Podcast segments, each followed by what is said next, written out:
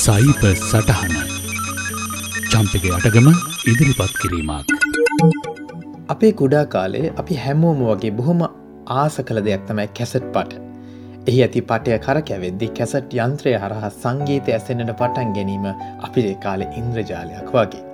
මේ කැසට් පට ධාවනය වෙද්දී එහි අවසානයට මොහොතකට පෙර පටියේ අවර්ණ කොට සෙනවත් සමගම කැසට් යන්ත්‍රයේ ධාවනය කිරීම නතර කරන්නේ කෝමද කියලා මටේ කාලේ පොඩි කුතුහලයක් තිබුණා.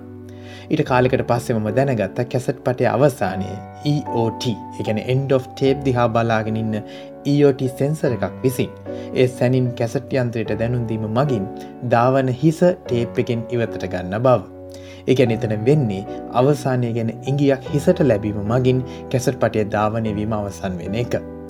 මට මේ සිද්ධිය මතක් වුණේ මීට ටික දවසකට කලින් මනෝවිද්‍යා පිළිබඳ මහාචාර්යවරයෙක් වසර පහක පමණ කාලයක් උපාංග ආශ්‍රිත තිර මගින් මොලයට කරන බලපෑම ගැන කළ අධ්‍යයනයක් සම්බන්ධව කරපු කෙටි දේශනකට ඇහුම්කන්දීමෙන් පස්සේ.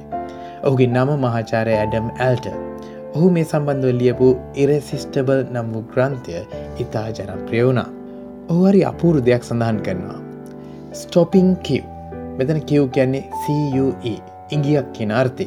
එකෙන යමක් නතර වෙන්න ඕනෙ කියලා මොලේට එන සංඥාවක් ස්ටොපින් කිව්. ඔහුට අනුව විසිවෙනි ශතවර්ශය ගැන මෙවැනි ස්ටොපින් කිවස් බහුලෝ තිබුණු කාලයක්.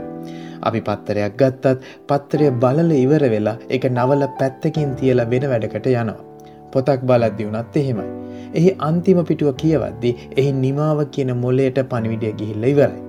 චිත්‍රපටියක් වගේම ටෙලිනාට්‍යක වුණත් එහි මේ සතියේ කොටස අවසන් වෙලා අපි තව සතියක් අනෙක් කොටසෙනකන් වෙන වැඩවල නිරත වෙනවා.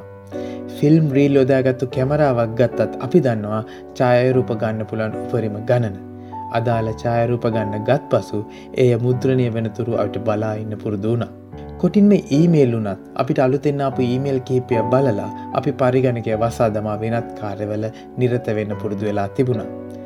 නමුත් අද දවසේ තත්ත්වය කොහොමද කියලා අවංකෝම අපි හිතල බලමුද.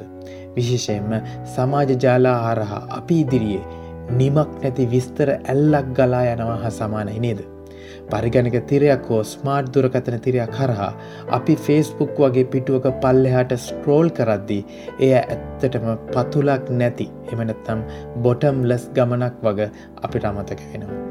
ෆස්බුක් පමණක් නොවේ YouTube වෙන මාධ්‍යක පවා ඔබ දන්නවා ඔබ එක වීඩියෝවක් නරඹා අවසන් වෙන විට ඊට සමාන වෙනත් වීඩියෝ ඒ අසලින් ඔවුන් ලස්සනට පෙළගස්වල තියෙනවා ඔබට නැරඹීමට. මේ මහාචාරවරයක් කියන්නේ මේ අලුත් ප්‍රවණතාවේ නිසා. වෙනදා අපේ මොලේට ගිය ස්ටොපින් කිව් එක දැන් නැති වෙලා ගිහින් කියලා. අවසන් ප්‍රතිඵලය මිනිසුන් පැය ගණනක් ඒ වගේ තිරවල ඇලී ගැලී විසීම. මහාචාරවරයට අනුව මේකට හේතු කිහිපයක් බලපාල තියෙනවා.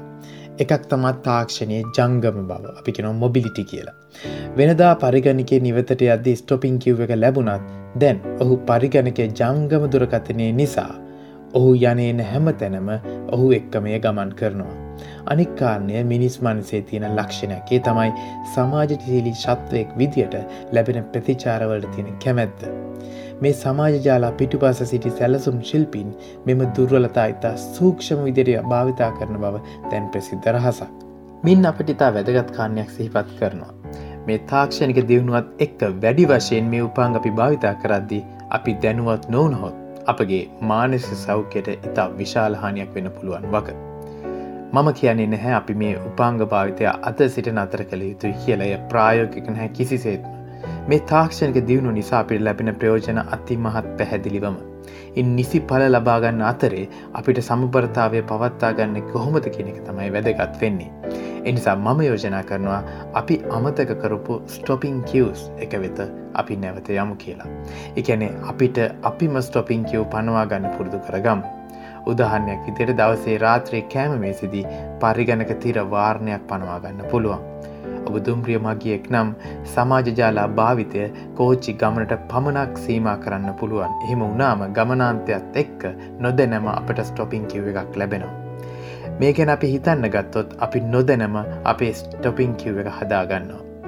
එක දිගට පරිගණක තිර අධ්‍යහා බලායිදී ඔබට එක වරම ඔබෙන් මීගයක් ලැබෙයි දැනට ඔය ඇති දැන් පොඩ්ඩක් එලියට ගිහින් හිරු රැස් සුළඟ විදින්න ඇවිදින්න යන්න කියලා. ඒ ඉංගියම ඔබට කියයි ඇවිදින යද්දී ෆෝන් එක නම් ඈතින්ම තියල යන්න කියලා. අදත් ඔබට සයිප සටහන ගෙන මම චම්පිකයටගම්.